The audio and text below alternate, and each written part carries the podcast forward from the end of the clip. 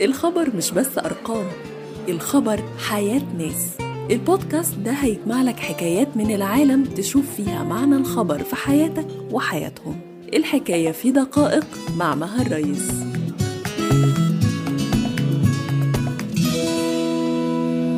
بودكاست دقائق.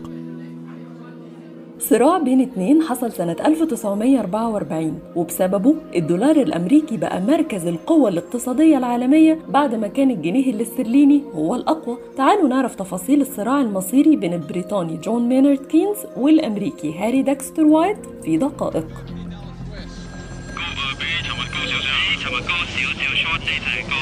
Wird ja wahrscheinlich nicht so toll werden hier.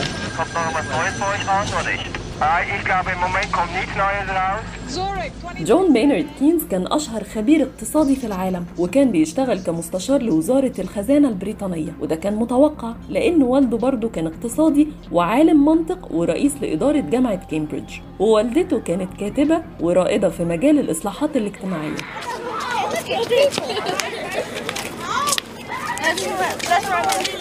كان سهل عليهم يلاحظوا ذكاء ابنهم كينز من بدري لأن من وهو طفل كان عنده مهارات سياسية لدرجة إنه اتقال إنه لما كان في إعدادي كان بيخلي زميله يشيل كتب المدرسة في مقابل إن كينز يساعده في حل المسائل المعقدة في الواجب المنزلي وده على عكس الأمريكي هاري داكستر وايت. بالرغم من إنه كان اقتصادي برضه إلا إنه ما كانش معروف قوي خارج واشنطن. وايت كان الطفل السابع لأب وأم من يهود ليتوانيا واتولد في بوسطن وبعد كده اتنقلوا كعيلة للولايات المتحدة الأمريكية سنة 1885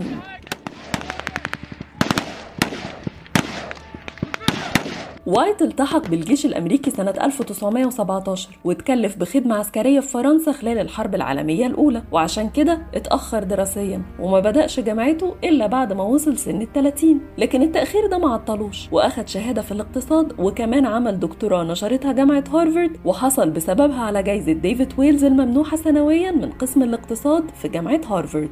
الحرب العالمية الأولى ما كانتش بس سبب في تأخر وايت عن الدراسة لكن برضو كانت السبب اللي جمع بينه وبين البريطاني كينز.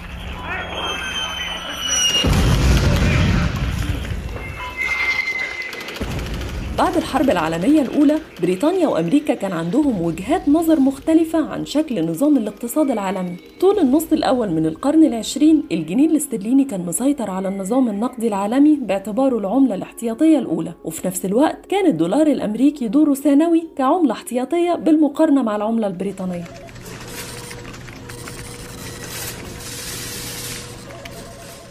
بريطانيا كانت عايزة تحافظ على استمرار سيطرة الجنيه الاسترليني عالميا كرمز لنفوذ الإمبراطورية البريطانية. بس خسائرها الاقتصادية في الحرب كانت كسر عينها شوية وأمريكا كانت شايفة أن البريطانيين لسه عايشين في وهم أمجادهم القديمة وأن دي فرصتها تكون مركز قوة العالم.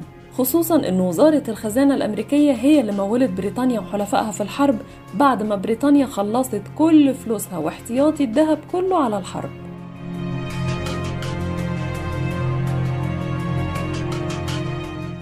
وعشان كده اتقابل جون مينارد كينز كمندوب اقتصادي عن البريطانيين مع هاري داكستر وايت كممثل اقتصادي عن وزارة الخزانة الأمريكية في مؤتمر بريتون وودز سنة 1944 وهنا بدأت المعركة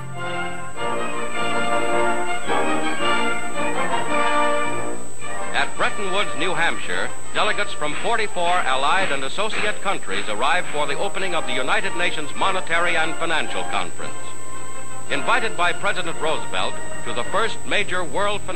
على مدار ثلاث أسابيع كينز ووايت فضلوا يتخانقوا وصوتهم يعلى على بعض وهم كل واحد فيهم بيحاول يوجه دفة المفاوضات لصالحه. لكن لسوء حظ بريطانيا كينز ما كانش شاطر قوي في التفاوض زي ما كان في الاقتصاد. وده إدى فرصة أكبر لوايت إنه يفرض أغلب الأفكار لصالح أمريكا. بريطانيا فشلت إنها تاخد قرض بدون فوائد عشان تقوم الجنيه الاسترليني بعد الحرب. وكمان بعد ما أمريكا أقنعت ال 44 دولة المشاركين في الاجتماع بإنشاء صندوق نقد دولي وبنك دولي يتولى مسؤولية القروض الدولية. فشلت بريطانيا إنها تخلي مقر المؤسستين عندها بعد ما أصر الأمريكان إن المقر يكون في نيويورك عندهم. وبعد ما خسرت بريطانيا معركة بريتون وودز بشكل واضح وايت كان لسه فاضل أهم دور في الاتفاقية.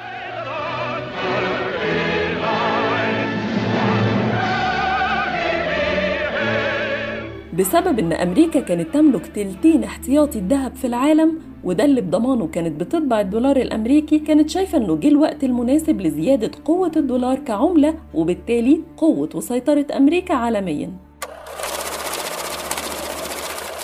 وايت بدل كلمة ذهب في الاتفاق اللي اتكتب في 96 صفحة بجملة الذهب والدولار الأمريكي في اللحظات الأخيرة قبل التوقيع. وبسبب ضيق الوقت التعديل ده ما تعرضش على اللجنة المختصة بصياغة نص الاتفاق. وبكده عزز الأمريكان موقف الدولار كوسيلة للتبادل الدولي بدل الذهب. لكن بعد ما مشيت الوفود حصل جدل بين الأمريكان والبريطانيين على تفسير البنود اللي وقعوا عليها. لكن طبعا بعد فوات الأوان.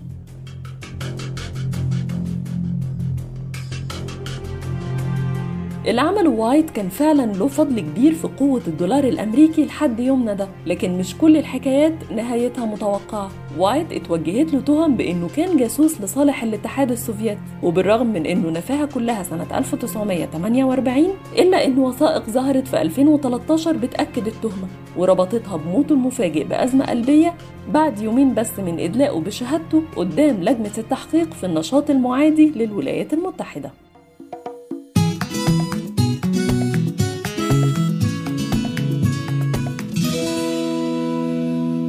بودكاست دقائق.